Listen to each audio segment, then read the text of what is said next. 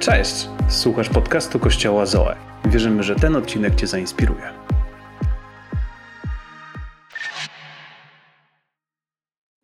Dobrze Was widzieć, Kościele. Dobrze jest być w domu Bożym. Amen. Dom Boży jest tam, gdzie jest dwóch i trzech, którzy spotykają się w Jego imieniu. Amen. Nie tam, gdzie jest jakiś budynek, nie tam, gdzie są jakieś mury kościoła, ale tam, gdzie są ludzie. Amen. I gdzie są ludzie, którzy są głodni tego, aby doświadczyć Boga, aby doświadczyć Jego relacji, relacji z Nim. I wierzę, że dzisiaj Bóg będzie mówił do nas. Wierzę, że On dzisiaj powie coś nowego, coś świeżego, coś, czego jeszcze wcześniej być może nie słyszałeś w swoim życiu. Chciałbym dzisiaj kontynuować coś, o co Kinga rozpoczęła tydzień temu. Krótką serię, którą nazwaliśmy Nawyki Serca. Nawyki serca. Przeskoczyliśmy z naszej ser serii Serce dla domu do kolejnej serii związanej z sercem. Jestem przekonany, że Bóg pod koniec tego roku, właśnie kiedy jesteśmy w listopadzie, kiedy jesteśmy w grudniu, chce mówić do nas o sercu. Ponieważ serce jest bardzo ważną, bardzo ważną rzeczą. To naprawdę jest organem, ale jest też czymś, co napędza naszego ducha, jest czymś, co napędza nasze życie, jest czymś, co napędza nasze, nasze emocje i to sprawia, że możemy cieszyć się życiem albo możemy być przygnębieni w naszym życiu. I, I wiecie, mówimy o nawykach, ponieważ nawyki są bardzo ważne. Wiecie, że nawyki mogą być dobre i nawyki mogą być złe. Nawyki dobre mogą powodować, że idziemy do przodu. Mogą powodować, że wchodzimy na kolejny poziom, że osiągamy kolejną górę, zdobywamy kolejny szczyt w naszym życiu. Mogą sprawić, że przychodzą przełomy. Śpiewaliśmy, że wierzę, że przyjdzie przełom. I to właśnie nawyki w naszym życiu mogą sprawić, że te przełomy przyjdą naszego życia. Ale złe nawyki, złe nawyki mogą na, na wyprawiać w naszym życiu mogą spowodować wiele nieprzyjemnych sytuacji, mogą sprowadzić przekleństwo do naszego nawet życia i mogą sprowadzić porażki do naszego życia. Dlatego to jest tak bardzo ważne, abyśmy uczyli się dobrych nawyków, abyśmy też słuchali, co Biblia mówi na temat nawyków i co Bóg chce, abyśmy wypracowali w naszym, w naszym życiu, ponieważ nawyki mogą sprawić, że utkniemy tu i teraz to właśnie złe nawyki mogą sprawić, że nie pójdziemy do przodu. Przed nami 2022 rok. Kto się nie może doczekać nowego roku? Sylwestra, kiedy 21 się skończy, wyjdziemy z tego roku i wyjdziemy w nowy rok. I wiecie, niektórzy z nas chcą coś zmienić. Niektórzy z nas modlą się o zmiany. Niektórzy z nas modlą się o to, aby pójść w końcu do przodu, aby coś się przełamało, aby coś się uwolniło, jakieś błogosławieństwo, jakaś Boża łaska, coś ponadnaturalnego. Chcemy pójść dalej. Być może chcesz pójść dalej w relacjach. Jesteś, jesteś gotowy na to, aby nawiązać nowe relacje. Być może chcesz pójść dalej w swoim małżeństwie, a może niektórzy chcą w końcu w 2022 roku poznać swojego męża. Ktoś chce poznać swojego męża, jakaś, jakaś pani, jakaś, jakaś singielka albo jakiś facet chce poznać w końcu swoją żonę. Modlisz się jeden rok, drugi rok, trzeci rok, czwarty rok. Wiem, że są takie osoby na tym miejscu, wiem, że się modlą i wiem, że nie mogą się doczekać i może 22 rok to może będzie właśnie ten rok. Halo! Czy niektórzy z nas być może chcą otworzyć swój biznes albo prowadzą biznes i chcą, aby coś się przełamało. Niektórzy z nas chcą, aby coś się w finansach przełamało. Mówisz, wszystko drożeje, co chwilę słyszę, że coś jest droższe i, i chcesz, aby w końcu twoje finanse też poszły do góry, tak jak ceny idą do góry. Być może chcesz, aby coś się przełamało w twoim powołaniu. Wiesz, że Bóg Cię powołuje, wiesz, że Bóg dał Ci dary, wiesz, że Bóg dał Ci talenty, chcesz ich używać. I chcesz, aby coś w końcu się przełamało. Chcemy, aby coś się przełamało w Kościele, chcemy zobaczyć żniwo, chcemy zobaczyć przebudzenie, chcemy zobaczyć nie jak dwie, trzy osoby się nawracają w niedzielę, chcemy zobaczyć jak 200-300 osób nawraca się w niedzielę, amen. Chcemy zobaczyć nowy budynek, chcemy zobaczyć nowe miejsce, chcemy, aby coś się zmieniło w 2022 roku. Ale wiecie, Wiemy, że z życia wzięte jest to, że nic samo się nie dzieje. Zwróciliście uwagę na to, że nic samo się nie dzieje? Wiele razy próbowałem, aby coś się coś wydarzyło samo. Czekałem, czy coś się samo wydarzy. I powiem wam, zdradzę wam sekret. Nic samo się nigdy nie wydarzyło. Do momentu, aż ja sam czegoś nie popchnąłem, do momentu, aż ja czegoś nie zmieniłem w swoim życiu, aż nie pozbyłem się pewnych nawyków albo nie nabyłem nowych, dobrych nawyków, to pewne rzeczy nigdy się nie zmieniły. Relacje, zwróćcie uwagę, że relacje nie budują się same. Musisz włożyć coś w relacje, musisz zainwestować czas, musisz zainwestować być może jakieś finanse w relacje z innymi, aby one poszły do przodu. Wiecie, dzieci też nie rodzą się same. Kto z was zwrócił uwagę, że dzieci same się nie, nie płodzą i nie rodzą? Bocian nie przynosi dzieci. Musisz coś zrobić, aby te dzieci się urodziły. Wiecie, i możemy tak wymieniać o wielu różnych rzeczach, że pieniądze nie zarabiają się same, pieniądze nie pomnażają się same. Wiecie, coś jest więcej, nawet Duch Święty nie działa sam. On sam nie działa. On zawsze działa z człowiekiem. Kiedy Bóg coś robił, kiedy zobaczcie na Biblię, przewróćcie wszystkie kartki Biblii, zobaczcie, że kiedy Bóg coś robił, Bóg zawsze robił coś z człowiekiem. On używał ludzi, używał proroków, używał później uczniów i dzisiaj używa nas. A więc rzeczy same się nie dzieją. Jeśli chcemy zobaczyć przełomy, jeśli chcemy zobaczyć, że 2022 rok będzie inny, będzie lepszy niż, niż 2021 rok, ja i ty musimy coś zmienić. Być może musimy zmienić coś w swoich nawykach, ponieważ w nawykach, wiecie, w nawykach jest siła. Zwróćcie uwagę, że w dobrych nawykach jest siła. Kiedy, kiedy załóżmy masz dobrą dietę, to w tym jest siła, ponieważ dobrze wyglądasz, jesteś zdrowy. Kiedy chodzisz na siłownię, w tym jest siła, ponieważ nic ciebie nie boli, jesteś zdrowy i, i możesz przebiec nagle, nagle dwa kilometry i nie jesteś zmęczony. I jest potęga, jest, jest postęp w nawykach. I postęp nie zawsze jest zauważalny, nie zwróciliście uwagę. Postęp nie zawsze jest zauważalny. Od razu. Kiedy pójdziesz na siłownię, pierwszy tydzień w nowym roku, niektórzy z nas będą mieli takie postanowienie, aby w końcu coś zrobić po pandemii i zrzucić kilka kilogramów, które przyby, przybyliśmy w 20 roku na kwarantannie. Kto przybył, przybył, komu przybyło kilka kilogramów? Czy tylko mi? Wiecie, dwie osoby są, okej. Okay. Musicie mi podzielić swoją dietą, ponieważ ja potrzebuję coś zmienić, a więc wiecie, kiedy pójdziesz na siłownię po tygodniu, uwierz mi, że nie zobaczysz zbyt dużych rezultatów. Albo kiedy nagle zaczniesz oszczędzać, położyłeś, podjąłeś decyzje finansowe na nowy rok i chcesz zacząć oszczędzać. I kiedy będziesz oszczędzał przez pierwsze dwa tygodnie nowego roku, uwierz mi, że dużych przełomów nie zobaczysz i, i nie będziesz mógł nagle kupić w, w lutym nowego samochodu. Chociaż ja ci błogosławię, żeby tak było, żeby takie przełomy były w twoim życiu. Ale z reguły, kiedy zaczynasz coś robić, to potrzebujesz czasu, potrzebujesz być w procesie, potrzebujesz jakiegoś czasu, aby, aby dojść do pewnego miejsca. Kiedy zaczynasz uczyć nowego języka, na przykład chińskiego, to nie jest tak, że nagle po tygodniu będziesz już mógł rozmawiać, oglądać filmy, komunikować się po chińsku. Potrzebujesz czasu. Musi być jakiś postęp i ten postęp jest w dobrych nawykach, w tym, że zaczynamy coś praktykować. Możecie zwrócić uwagę na śnieg. W tym tygodniu napadało trochę śniegu w Warszawie. Zwróciliście uwagę? Wiecie, obserwowałem ten śnieg. Przez, przez kilka dni obserwowałem. Kiedy on napadał i było minus sześć, ten śnieg tam był na dworze. On nie znikał. I później nagle temperatura się zniszczyła, z, z, wzrosła i było minus cztery. I on dalej tam był. Mówię, wow! I później było minus trzy. I mówię, ten śnieg dalej tam jest. To zaraz zwrócił, że ten śnieg był przy minus trzy. I później było minus dwa i on dalej tam był. I było minus jeden i on też tam był. Ale nagle, nagle przyszedł pewien przełom. Nagle przyszła pewna zmiana. Wiecie, wcześniej zmieniała się temperatura o jeden stopień, ona rosła. Ale przyszedł pewien moment. Ja to nazywam momentem przełomowym. I każdy z nas w życiu ma takie momenty przełomowe. Wiecie, temperatura mogła się przez pewien okres czasu zmieniać, rosnąć o jeden stopień i później o ten sam jeden stopień nagle śnieg zaczął topnieć. I tak właśnie działają nawyki.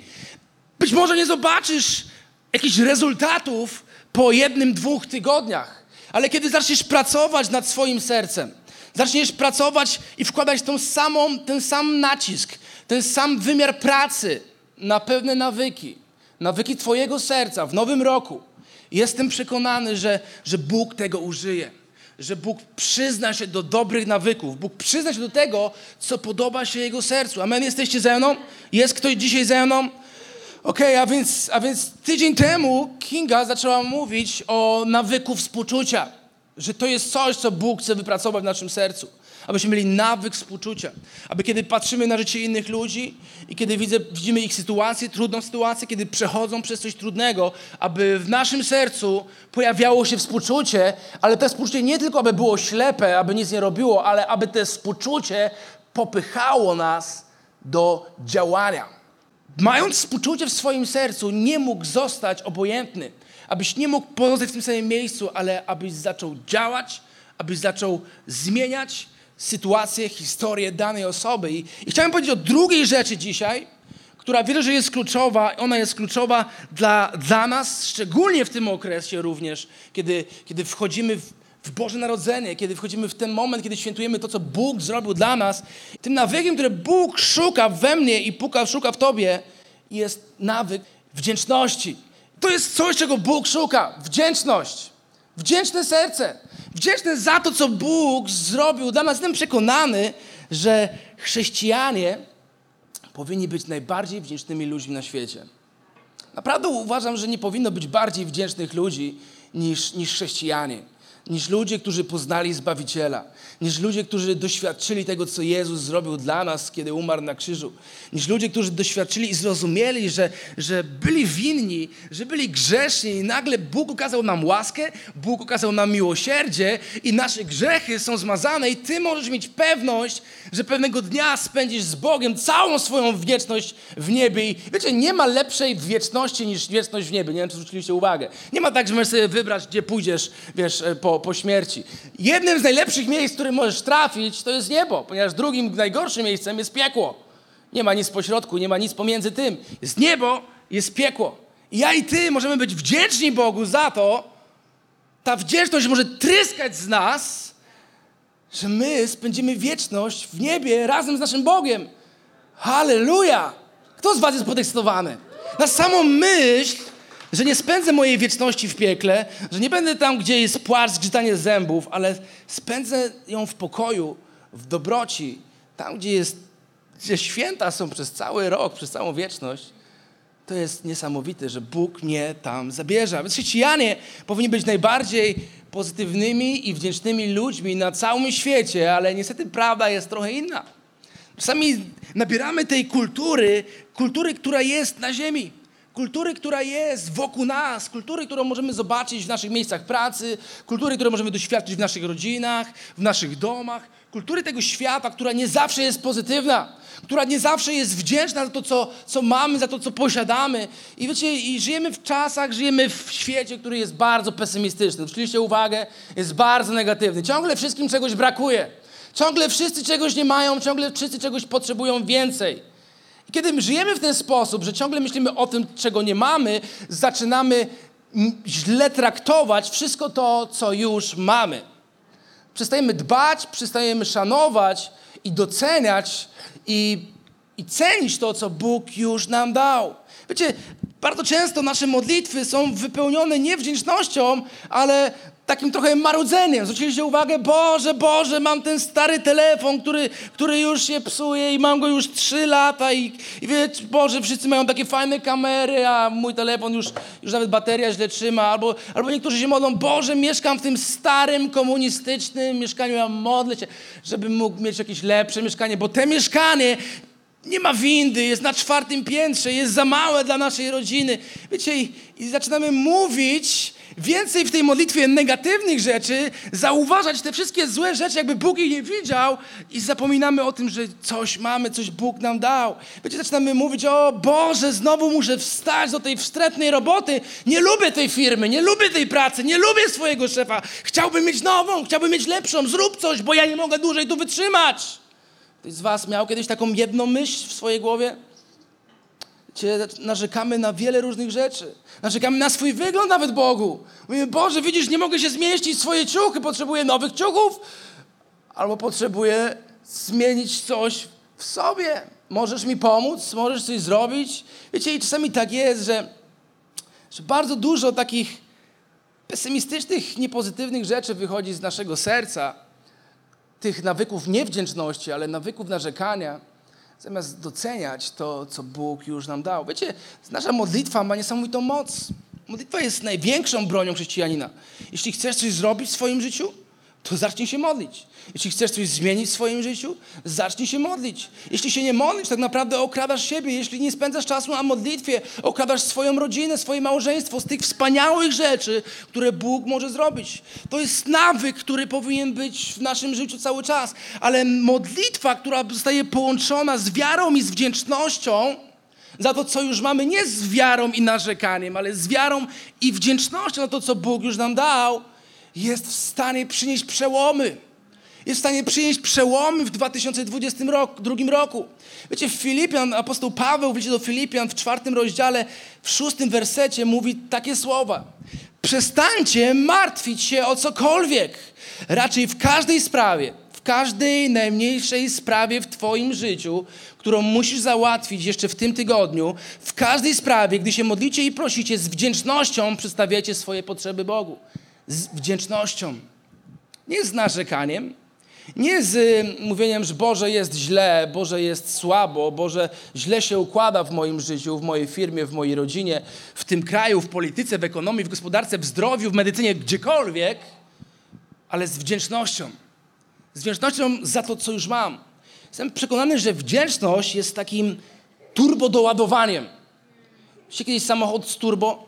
Jedziesz swoim samochodem i kiedy tam nie ma turbo, możesz próbować kogoś wyprzedzić i, i, i twoje auto rozpędza się bardzo powoli. Potrzebujesz czasu, potrzebujesz być pewien, że tam z naprzeciwka nic nie jedzie, bo wiesz, że to auto nie ma turbo i ono bardzo powoli będzie wyprzedzało jakąś przeszkodę.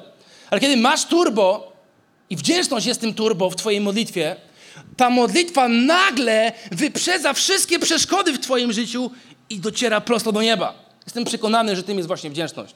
Jest takim turbo, które doładowywuje Twoją modlitwę, wzmacnia Twoją modlitwę, która omija nagle przeszkody, które powstają w Twoim życiu i przychodzą przełomy.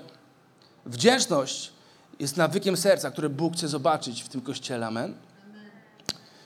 Ja wiem, że ciężko jest czasami okazywać wdzięczne serce w modlitwie, wdzięczne serce przed Bogiem, wdzięczne serce przed innymi chrześcijanami, kiedy, kiedy przechodzisz przez trudny sezon kiedy naprawdę jest ci ciężko, kiedy naprawdę nie jest, nie jest fajnie. Wiecie, wielu ludzi nie lubi świąt. Nie lubi tej atmosfery, światełek. Ja to mogę zrozumieć, że, że czasami być może mamy złe skojarzenia ze świętami. Ze swojego dzieciństwa masz złe skojarzenia. Być może coś się kiedyś wydarzyło w święta. Być może nie, nie czujesz tego, tego, tego całego ducha i tego, tego, tego, tej atmosfery, tego klimatu, nie doświadczasz tego wyjątkowego momentu, ponieważ masz złe wspomnienia. I tak samo jest w naszym życiu z wieloma rzeczami. Ciężko jest docenić coś wyjątkowego, kiedy przechodzisz przez trudności, kiedy przechodzisz przez problemy, ale właśnie w tych momentach Bóg testuje moje i Twoje serce.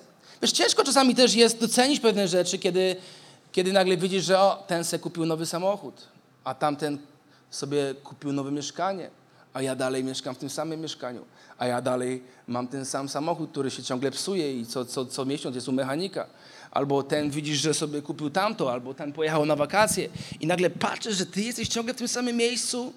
Mówisz, Boże, ale dlaczego? Ale dlaczego tak się dzieje? To nie jest łatwe w złym położeniu być wdzięcznym. W złym położeniu okazywać wdzięczność. Ale jeśli nauczysz się takiego nawyku, żeby nawet w złym położeniu w złej sytuacji, w trudnych okolicznościach dalej być wdzięcznym, jestem przekonany, że Twoja modlitwa będzie jak z turbodoładowaniem. I Bóg zacznie zmieniać pewne rzeczy, których dzisiaj być może jeszcze nie widziałeś. I o tym mówi apostoł Paweł w pierwszym liście do Tesaloniczan, w piątym rozdziale, 17 wersecie. Biblia Tysiąclecia mówi tak, w każdym położeniu dziękujcie. W każdym położeniu dziękujcie, Taka jest bowiem wola Boża w Jezusie Chrystusie względem nas. A więc jaka jest Boża wola dla Twojego życia? Aby w każdym położeniu, a więc czy, czy stoję, czy leżę, czy jestem powalony, czy jestem zwycięzcą, czy dostałem awans, czy być może dostałem zwolniony z pracy, czy być może kupiłem nowy samochód, albo nie stać mnie i mój samochód się znowu zepsuł. W każdym położeniu, w tym po prawej i w tym po lewej, zawsze dziękować. Zawsze mieć naturę wdzięcznego człowieka.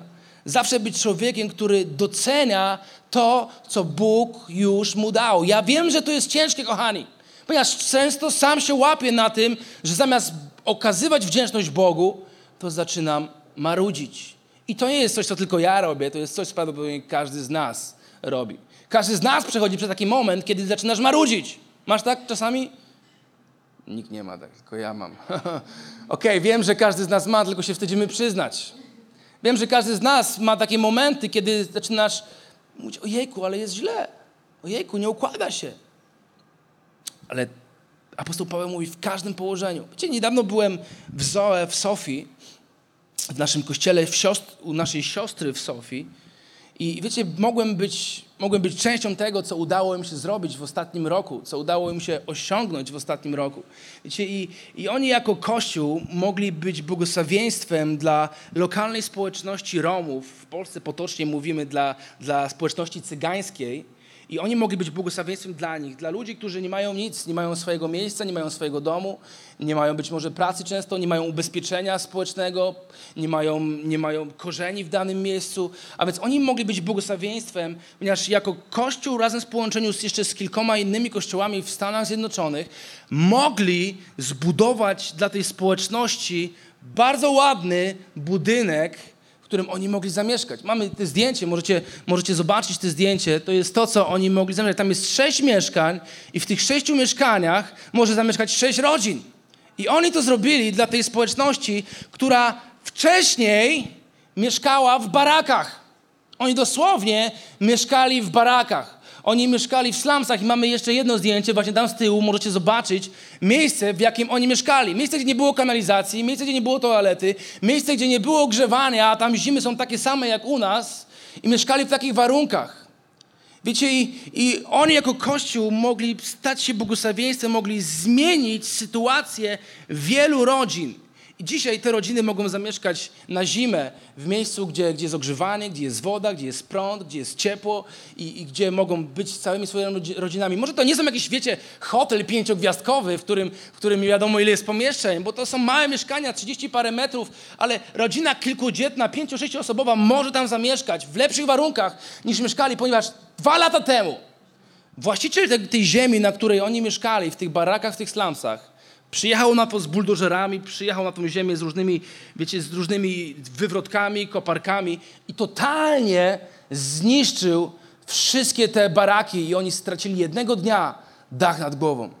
Więc Kościół stanął w miejscu odpowiedzialności i przyjść ze zmianą do życia tych ludzi. Ale dlaczego ja o tym mówię?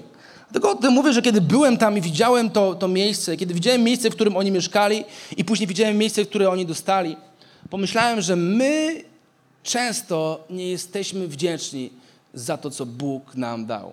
Pomyślałem jedną rzecz, że, że muszę w przyszłym roku zabrać tam moje dzieci. Muszę zabrać tam moje dzieci, ponieważ moje dzieci często miewają takie momenty, że nie doceniają tego, co mają. Oni mają swoje, one mają swoje pokoje, oni mają dostęp do komputera, mają dostęp do Xboxa, mają dostęp do telefonu, mają, mają nowe buty na zimę, ciepłe buty na zimę, mają jedzenie i nie jakieś tam jedzenie, ale mają te jedzenie, które lubią jeść na swoim stole. I wiecie, czasami przychodzi taki moment, że zaczynają narzekać. Ale jeśli dzieci zaczynają narzekać, to dorośli również zaczynają narzekać. Stwierdziłem, że w przyszłym roku spakuję moją całą rodzinę i zabiorę ich tam. I pokażę im, nauczę ich czegoś, aby byli wdzięczni za to, co Bóg dzisiaj im dał. Że Bóg stawiał w nas w miejscu niesamowitego błogosławieństwa. Jest niesamowicie wiele rzeczy, za które ja i Ty możemy być, być wdzięczni i za które możemy dziękować Bogu każdego dnia. Jeśli dzisiaj tutaj jesteś, możesz dziękować Bogu za to, że tutaj jesteś i mogłeś dotrzeć na to miejsce. Żyjemy w kraju, którym jest pokój. Tu nie ma wojny. Tu nikt nie lata odrzutowcami, bombowcami nad naszą głową, nie musimy chować się w bunkrach. Żyjemy w kraju, w którym nie ma wojny. Żyjemy w kraju, w którym możesz iść do pracy, możesz pracować. Żyjemy w kraju, w, których, w którym ja i ty mamy dach nad głową, masz gdzie mieszkać, mamy dostęp do medycyny. Możesz iść do lekarza, jeśli potrzebujesz. Masz dostęp do edukacji. Twoje dzieci mogą się nauczyć języka polskiego, matematyki. Masz dostęp do kościoła, możesz być częścią społeczności. Jest tak wiele rzeczy, za które ja i ty możemy być wdzięczni, ale czasami skupiamy się na tym, czego nie mamy, czego nam znowu brakuje. Apostoł Paweł mówi, czy stoisz, czy leżysz. W każdej pozycji, w każdym położeniu bądź zawsze wdzięczny. Bez względu na to, co przechodzisz w swoim życiu, bez względu na to, jak jest w Twojej pracy, bez względu na to, jaki jest sezon w Twoim małżeństwie, bez względu na to, jaki jest, jak się czujesz w swoim ciele, w swoim zdrowiu, bez względu na to, czy otrzymałeś w tym roku, w 2021 roku podwyżkę, czy nie, bez względu na to, czy masz samochód, czy go nie masz, czy się zepsuł, czy pada deszcz, czy nie pada deszcz, czy świeci słońce, zawsze dziękujcie Bogu za każde położenie. Dlaczego? Dlatego, że Szymon tak powiedział w niedzielę. Nie. Nie dlatego. Dlatego, że apostoł Paweł mówi, ponieważ taka jest bowiem Boża wola. To jest to, jak Bóg chce, abyśmy żyli. To jest nawyk serca, który Bóg chce wypracować w tobie w tym roku. Wdzięczne serce, które dziękuje za każdą najmniejszą rzecz Twoim życiu. Nie serce, które mówi, że tego mi brakuje, tamtego mi brakuje, tego nie mam, tego potrzebuję. Ale serce, które docenia, serce, które jest wdzięczne. Nie serce, które się porównuje z innymi. Bardzo często ciężko nam jest doceniać to, co mamy, kiedy zaczynamy się porównywać. Kiedy zaczynamy patrzeć, co inni mają, a czego my nie mamy. Kiedy zaczynamy patrzeć, jak Bóg kogoś używa, a jak nas nie używa. Kiedy zaczynamy patrzeć na inne kościoły i widzimy, a ten kościół ma swój budynek, a my jeszcze nie mamy. Kiedy zaczynamy patrzeć na różne okoliczności, przez które przychodzą ludzie, a my tego nie mamy, nagle przestajemy doceniać to, co Bóg już zrobił w nas i przez nas. Amen?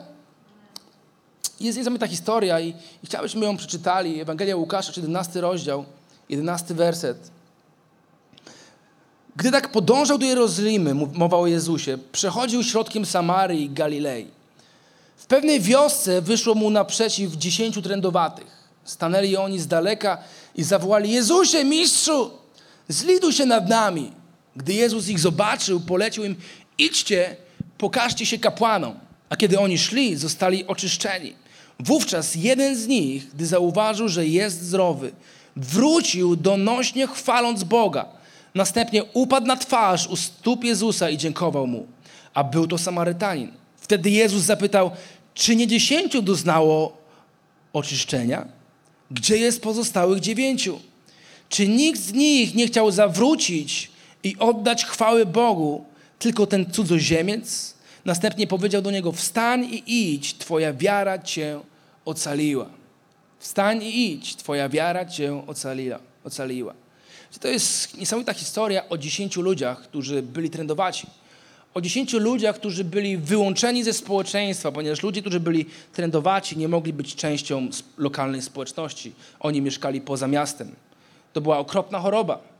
Nie miałeś kontaktu ze swoją rodziną, nie miałeś kontaktu ze swoimi bliskimi. Byłeś wyrzutkiem, byłeś dosłownie śmieciem. I w tym momencie ich życie się zmienia. Oni wszyscy byli chorzy, oni wszyscy wołali Jezusie, Jezusie, zlituj się, zmiłuj się na nami. Oni wszyscy zostali uzdrowieni, ale tylko jeden wrócił i donośnym głosem, Biblia mówi, chwalił Boga. Chciałem wam zobaczyć, pokazać trzy punkty, trzy myśli z tej historii, które wierzę, że pomogą nam rozwinąć nawyk wdzięczności w tym, w tym sezonie. I pierwsza rzecz – to jest to, że jesteś wdzięczny, kiedy wracasz. Jesteś wdzięczny, kiedy wracasz z powrotem. Zobaczcie to, co zrobił ten człowiek. On wówczas, jeden z nich, gdy zauważył, powiedzcie głośno zauważył, zauważył, więc on musiał zauważyć, wow, spostrzegł się, coś się zmieniło, jestem uzdrowiony. Więc kiedy zauważył, że jest zdrowy, on wrócił donośnie chwaląc Boga. A więc kiedy on wrócił? kiedy zauważył. Kiedy zauważył, wtedy wrócił.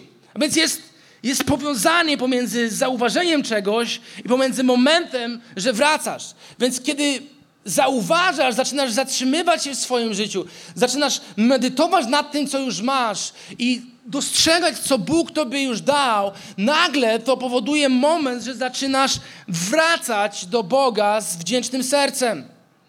A więc ten, ten moment zauważenia jest bardzo ważny. Ten moment, kiedy zatrzymujesz się i dostrzegasz, jak wiele Bóg już ci dał, jak Bóg wiele ci powierzył i jak bardzo cię obdarował i pobłogosławił, ten moment to jest miejsce, kiedy rodzi się wdzięczność. Ale moment, w którym ty nie zauważasz, idziesz do przodu i tylko zauważasz to, czego nie masz, nie to, co masz. On zauważył to, co miał, miał uzdrowienie. Ale on nie, nie oglądał tego, czego jeszcze nie miał. On nie oglądał tego, że jeszcze nie, nie, nie, nie spotkał się swoją rodziną. On nie, nie spostrzegał tego, czego jeszcze nie miał w swoim życiu. On spostrzegł to, co już miał. I w momencie, kiedy zobaczył to, co miał, w jego sercu zrodziła się wdzięczność. I ta wdzięczność spowodowała, że on wrócił do Jezusa. Dziewięciu, dziewięciu uzdrowionych nie wróciło. Ale Jezus spostrzegł na tego jednego. On go zobaczył, on go dostrzegł i on był zachęcony jego postawą. I chcę was dzisiaj zachęcić, abyśmy, abyśmy to, co mamy, nie traktowali jako, wiecie, jako coś, co nam się przytrafiło, jako szczęście, że, że o, moi rodzice mi to dali, o, ja zapracowałem na to ciężko, ja się uczyłem przez wiele lat w szkole, ja miałem, ja włożyłem swój wysiłek. Nie, traktuj to jako to, co Bóg tobie dał. Traktuj to, nie, że to ty zdobyłeś, bo ty jesteś taki super i wspaniały i, i, i wykształcony i mądry i masz super okoliczności w swoim życiu, ale masz to wszystko, ponieważ Bóg tobie to dał. I to powoduje, że kiedy zauważasz to, to powoduje, że zaczynasz wracać. Wracać do miejsca każdego dnia. Mówisz, Boże, ja dziękuję Ci za to. Boże, kiedy wstajesz o poranku, możesz powiedzieć, Boże, ja dziękuję Ci za to, że się obudziłem. Jeśli jesteś wdzięczny każdego dnia, będziesz dziękował za to, że oddychasz, ponieważ mogłeś w nocy umrzeć.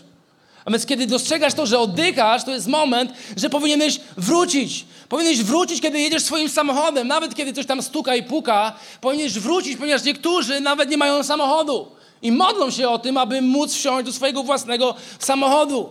Kiedy widzisz twarz swojego szefa, to jest moment, kiedy powinieneś powiedzieć, Boże, dziękuję Ci za mojego szefa, że go widzę. Ponieważ tutaj na tej sali są ludzie, którzy modlą się o to, aby mieć szefa. Aby mieć kogoś, kto da im pracę. Aby mieć kogoś, kto ich zatrudni.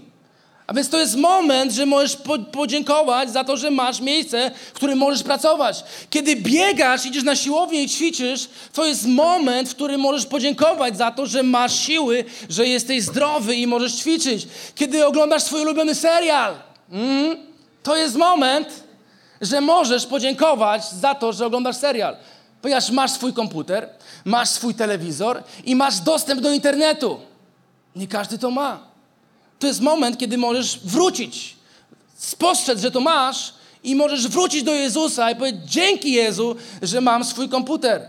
Kiedy leżysz w swojej wannie, halo! Wiecie, że nie każdy ma wannę? Kiedy leżysz w swojej wannie, to jest moment, kiedy możesz wrócić. To jest moment, że możesz zobaczyć: Wow, mam wannę. Chcę wrócić do Jezusa i mu podziękować za to, że mam swoją wannę. Jest coś więcej. Kiedy siedzisz na swojej toalecie, to jest moment, posłuchajcie mnie teraz bardzo ważnie, to jest moment, kiedy możesz wrócić i podziękować Jezusowi, dosłownie podziękować Mu za to, że masz toaletę. Nie wiem, czy jesteście świadomi, ale 950 milionów ludzi na Ziemi nie ma toalety. 950 milionów. To jest mało. Bo musicie zrozumieć, że w Polsce jest, i to są badania Głównego Urzędu Statystycznego z zeszłego roku, jest 2,5 miliona ludzi, którzy w swoim mieszkaniu, w swoim domu nie mają kibelka. 2,5 miliona ludzi w Polsce. I to jest na bardzo, naprawdę bardzo poważna sprawa. To jest moment, kiedy korzystasz z swojej toalety, możesz podziękować Bogu dzięki, że mam kanalizację, dzięki, że mam kibelek, gdzie mogę sam w spokoju załatwić swoje sprawy. Hej, kościele, to nie jest wstyd gadać z Bogiem na kibelku. To Bóg nas tak stworzył, że potrzebujemy czasami z Niego skorzystać. To jest moment, kiedy możesz podziękować. Kiedy, kiedy jesteś w swoim łóżku, wieczorem zasypiasz. Wiecie, że nie każdy ma swoje łóżko i może spać w swoim domu przy zgaszonym świetle, w spokoju, na swoim łóżku, przykryty kołdrą. Wiecie, mamy wiele powodów, aby dziękować Bogu. Według UNICEF-u każdego dnia ginie 22 tysiące dzieci na świecie z powodu ubóstwa. 22 tysiące dzisiaj dzieci umrze. Z jednego powodu, z powodu ubóstwa, z powodu tego, że nie mają pieniędzy. Ich rodzice nie mają pieniędzy. Ich rodzice nie mają pracy, aby ich wykarmić. 22 tysiące dzieci dzisiaj umrze z powodu ubóstwa. Na, na Ziemi żyje 2,2 miliarda dzieci, z czego 1 miliard, czy mniej więcej co drugie dziecko, żyje w ubóstwie. Jedno na dziewięć dzieci żyje w obszarach ogarniętych wojną, więc gdzie każdego dnia możesz zginąć strzałem z broni palnej. Jeden miliard dzieci nie potrafi czytać ani pisać, bo nie mają dostępu do edukacji. Ale nasze dzieci marudzą, że muszą iść do szkoły. Jest miliard dzieci, ludzi, przepraszam, miliard ludzi, którzy nie potrafi czytać. Każdego roku umiera 1 milion ludzi chorych na malarię i 1 milion ludzi chorych na AIDS. Połowa ludności na świecie musi przeżyć każdy kolejny dzień za mniej niż 2,5 dolara dziennie. 2,5 dolara. To jest ich budżet na każdy dzień. Licząc wynajęcie mieszkania, wynajęcie, zapłacenie za jedzenie, za rachunki. 2,5 dolara. To jest ich cały budżet na każdy dzień. Nie wiem, jaki jest twój budżet, ale jestem pewny, że jest większy niż 2,5 dolara. Jedna czwarta ludności, czy, co czwarty człowiek żyje bez dostępu do elektryczności. A więc jeśli dzisiaj wrócisz do swojego domu i masz możliwość włączyć światło w swoim, swoim, w swoim domu, to jesteś w tej grupie trzech czwartych, którzy mają dostęp do tego. I to jest powód, abyś podziękował Bogu za to, że masz prąd w swoim domu. Jest tak wiele powodów. I czasami patrzymy tylko na to, czego nie mamy, tego, czego nam brakuje. Zapominamy, zapominamy i przestajemy dostrzegać to, co mamy i jak bardzo Bóg nas kocha. A więc ten człowiek też był, zobaczcie, wystarczająco blisko, aby mógł wrócić do Jezusa. On był wystarczająco blisko. Oni być może poszli już tak daleko, że im się już nie opłacało wracać do Jezusa. Ale on był tak blisko, że wrócił. Dlatego musisz każdego dnia być blisko swojego Boga. Każdego dnia musisz być tak blisko, abyś mógł wrócić i powiedzieć: Jezu, dziękuję Ci za to. Ale niestety problem polega na tym, że niektórzy chrześcijanie tak daleko odchodzą, że oni już nie dostrzegają tego, co Jezus dla nich zrobił. Niektórzy chrześcijanie mają tak zakurzoną Biblię, że nie pamiętają, gdzie ją położyli, ale pamiętają, gdzie leży ich smartfon. Tylko jest, musisz być blisko, aby móc być wdzięcznym za to, co Bóg Tobie dał. Amen? Druga myśl, jesteś wdzięczny, kiedy jesteś uniżony. Jesteś wdzięczny, kiedy Twoja postawa jest uniżona. Pokora i uniżenie to jest to, czego szuka Bóg. Pokora, uniżenie, świadomość, że to, co mam, to nie jest moja zasługa, ale zasługa Boga, to jest to, czego Jezus szukał w tym człowieku. I wiecie, to właśnie duma i pycha, przeciwieństwo pokory i uniżenia, duma i pycha blokuje naszą wdzięczność.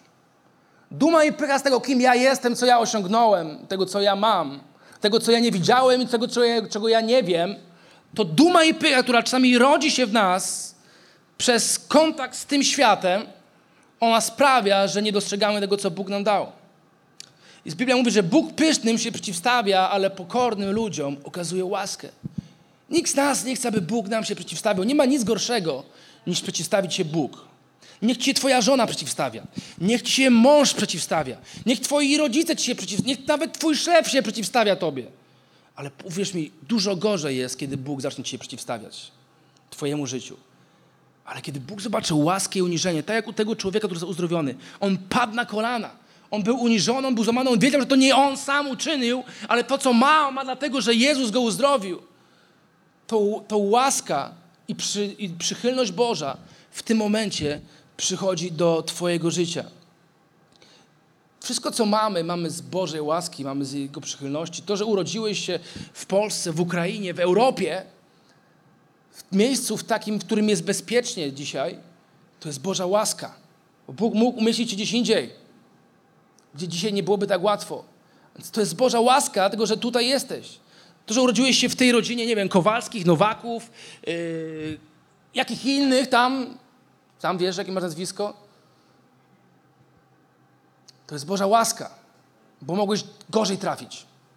Mogłeś trafić do gorszej rodziny. Uwierz mi, że zawsze może być gorzej. Naprawdę zawsze może być gorzej. A więc to jest moment, abym ja i ty, abyśmy zrezygnowali z mojego ja, to jest moje, to są moje zasługi, to ja zrobiłem, to ja osiągnąłem. Wszystko, co mam, mam dlatego, że Bóg jest dobry i łaskawy dla mnie.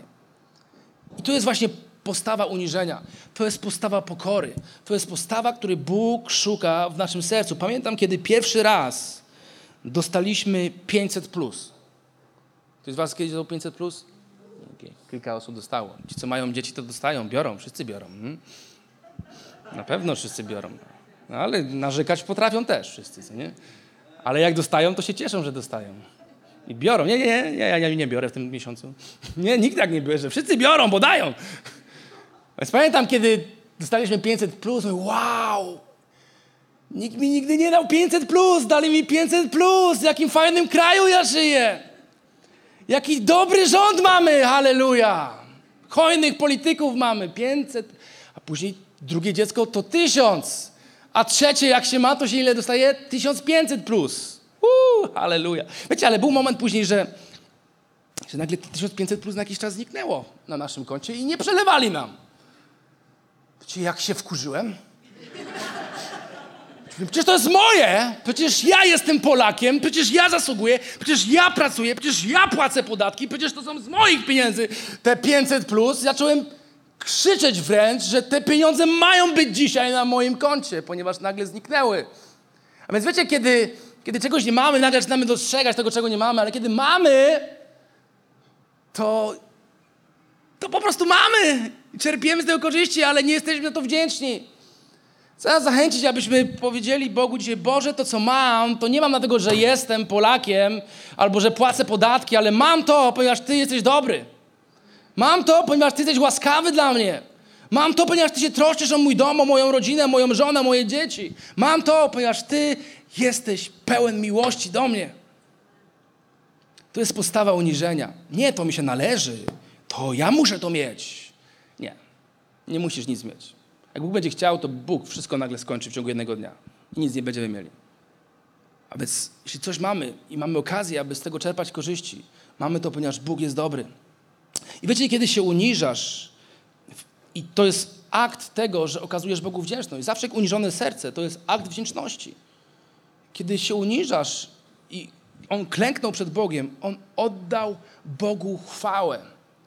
Jest napisane, że on donośnie chwalił Boga. On chwalił Boga, ale kiedy przynosisz chwałę, coś wyjątkowego dzieje się w Twoim życiu. To jest ekscytujące, słuchajcie. Kiedy zaczynasz chwalić Boga, nagle przychodzi Boża obecność do Twojego życia.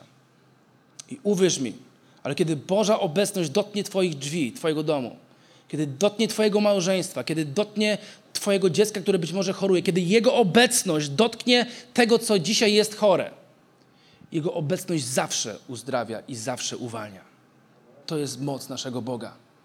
A więc kiedy jesteś uniżony i przynosisz wdzięczność i oddajesz Bogu chwałę, nagle ściągasz Bożą obecność do swojej rodziny, do swojego domu, a to zmienia sytuację, to zmienia okoliczności, to przynosi zmianę na świat. Jestem przekonany, że wdzięczny Kościół, Kościół, który, wiecie, jestem przekonany, że każda osoba powinna w przyszłym tygodniu przyjść i zapisać kartę wdzięczności.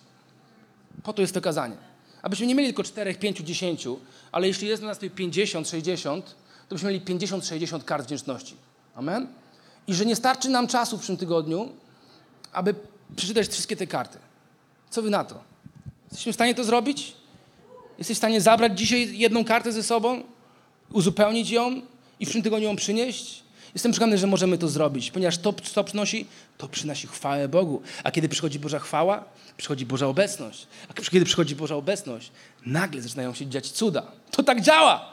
To Bóg tak stworzył. Więc jeśli potrzebujesz cudów, zacznij dziękować, zacznij być wdzięcznym za to, co masz. I ostatnia myśl. Prawdziwa wdzięczność jest zauważalna. Prawdziwa wdzięczność jest widzialna. Dostrzegasz to, że ktoś jest wdzięczny. No nie jest tak, życie, że prawdziwa wdzięczność nie jest wyrażona. Prawdziwa wdzięczność jest wyrażona. Ludzie zobaczą Twoją prawdziwą wdzięczność. Mhm. Tak działa wdzięczność. Że kiedy twoje, jesteś wdzięczny komuś za coś, co ktoś zrobił, nie wiem, ktoś pożyczył ci samochód, ktoś pożyczył ci toster, albo nie wiem, cokolwiek, narty, ktoś coś ci pożyczył i ty jesteś mu wdzięczny, to tą wdzięczność będzie widzialna przed tą osobą. Ona zobaczy, że ty jesteś wdzięczny.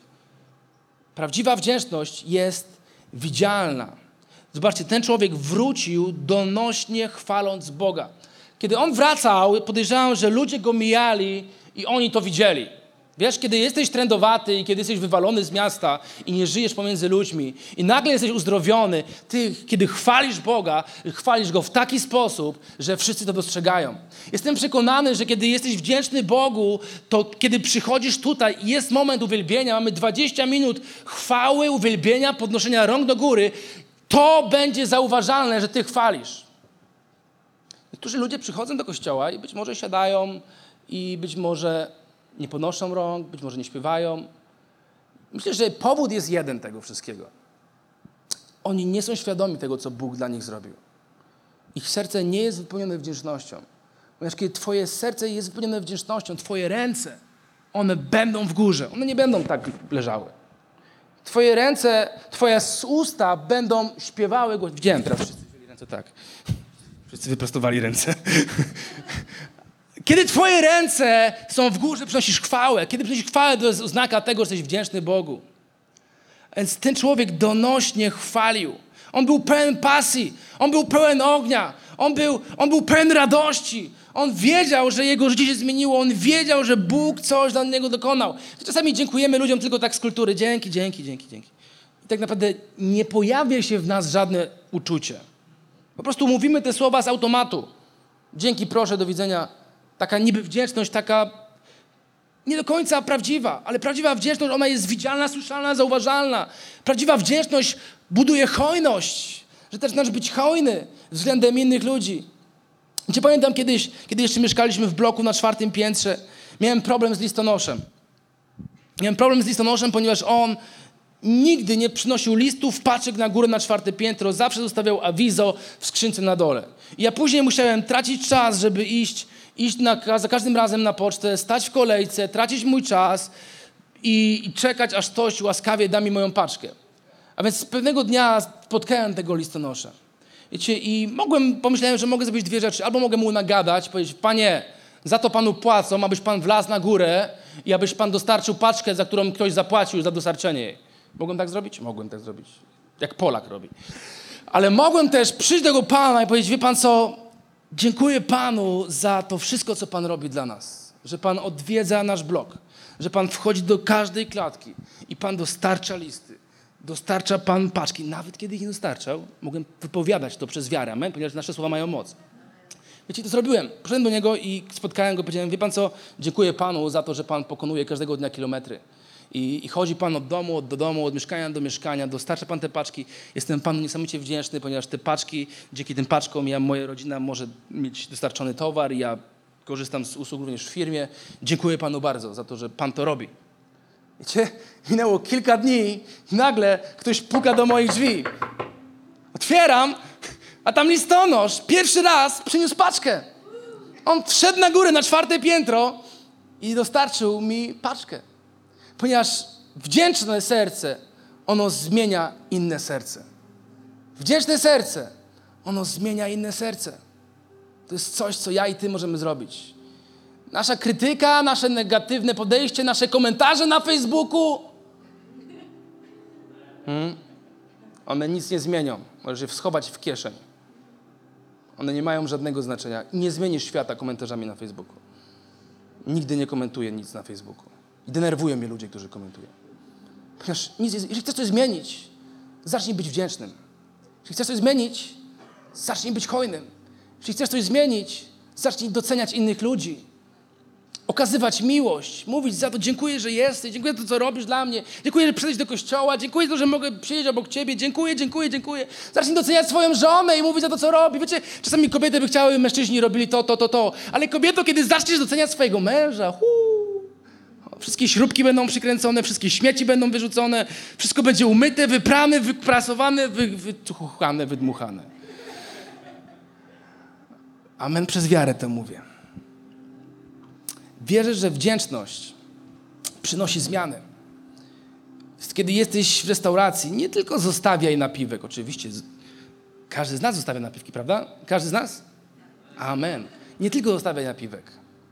Podejdź tej osoby, powiedz jej coś miłego. Dziękuję, że pracujesz. Powiedz coś do jej życia, a potem zaproś ją do kościoła. Powiedz jej, że, że Bóg ma plan dla ciebie i Bóg ciebie kocha. I że Bóg posłał Jezusa, by umarł za twoje grzechy. I chce coś zmienić w twoim życiu. I ma dla ciebie wspaniałą przyszłość. Wspaniałego męża, wspaniałą żonę, wspaniałe dzieci. To wszystko jest w twoim zasięgu. Możesz być zmianą tam, gdzie jesteś. Tam, gdzie się poruszasz, możesz być zmianą. Prawdziwa wdzięczność to coś więcej niż dziękuję. Prawdziwa wdzięczność jest zauważalna. Prawdziwa wdzięczność zmienia okoliczności, zmienia świat. Amen, Kościele? I wydarzyło się na koniec coś niesamowitego. Ponieważ Jezus powiedział: Wstań i idź. Twoja wiara, Twoja wiara Cię ocaliła. Ale zobaczcie, w całej tej historii nigdzie nie widzimy wiary tego człowieka. Dlaczego Jezus mówi o wierze? Dlaczego Jezus mówi o wierze, skoro całej tej historii nie widzimy wiary, takiej szczególnej wiary? Oni przychodzą, oni wołają, Jezu, Jezu, zmiłuj się nad nami, uzdrów nas. Uz... Tam nie było wiary jakiejś wielkiej. Była taka wiara jak moja i twoja. Ale nagle On mówi do niego, twoja wiara cię ocaliła. O co tu chodzi? Myślałem o tym długo. Mówię, Boże, o co tu chodzi? Zrozumiałem jedną rzecz, że wiara wypływa z wdzięcznego serca. Ponieważ kiedy jesteś wdzięczny, ty wiesz, co Bóg dla ciebie zrobił. Ty wierzysz w to, że On zatroszczył się wczoraj, ty wierzysz, że On zatroszczy się dzisiaj i ty wierzysz, że On zatroszczy się jutro. Ponieważ prawdziwa wiara jest połączona z wdzięcznością. Ty wiesz, że Bóg zatroszczy się o 2022 rok. Ponieważ zatroszczył się o ten rok, przeżyłem go. Okej, okay, jestem trochę pobijany, jestem trochę połamany, przeszedłem przez różne bitwy, ale jest okej, okay, żyję, oddycham, mam się dobrze. I wiem, że Bóg zatroszczy się kolejny rok. To jest wiara, która nas ocali, która wypływa z wdzięczności. Z wdzięcznego serca, to co Bóg zrobił, ja wiem, że On zrobi to jeszcze raz. Ja wiem, że On zadziała jeszcze raz. W tym tygodniu, w kolejnym miesiącu. Ja wiem, ponieważ już zrobił to raz. Ta wiara wypływa z naszej wdzięczności. Amen? Każdy z nas potrzebuje wiary, aby przeżyć. Sprawiedliwy z wiary będzie. Ona się rodzi wdzięczności za to, co Bóg już zrobił. Dzięki, że byłeś z nami. Więcej informacji o naszym kościele znajdziesz na naszych mediach społecznościowych. Wierzymy, że najlepsze jest jeszcze przed nami.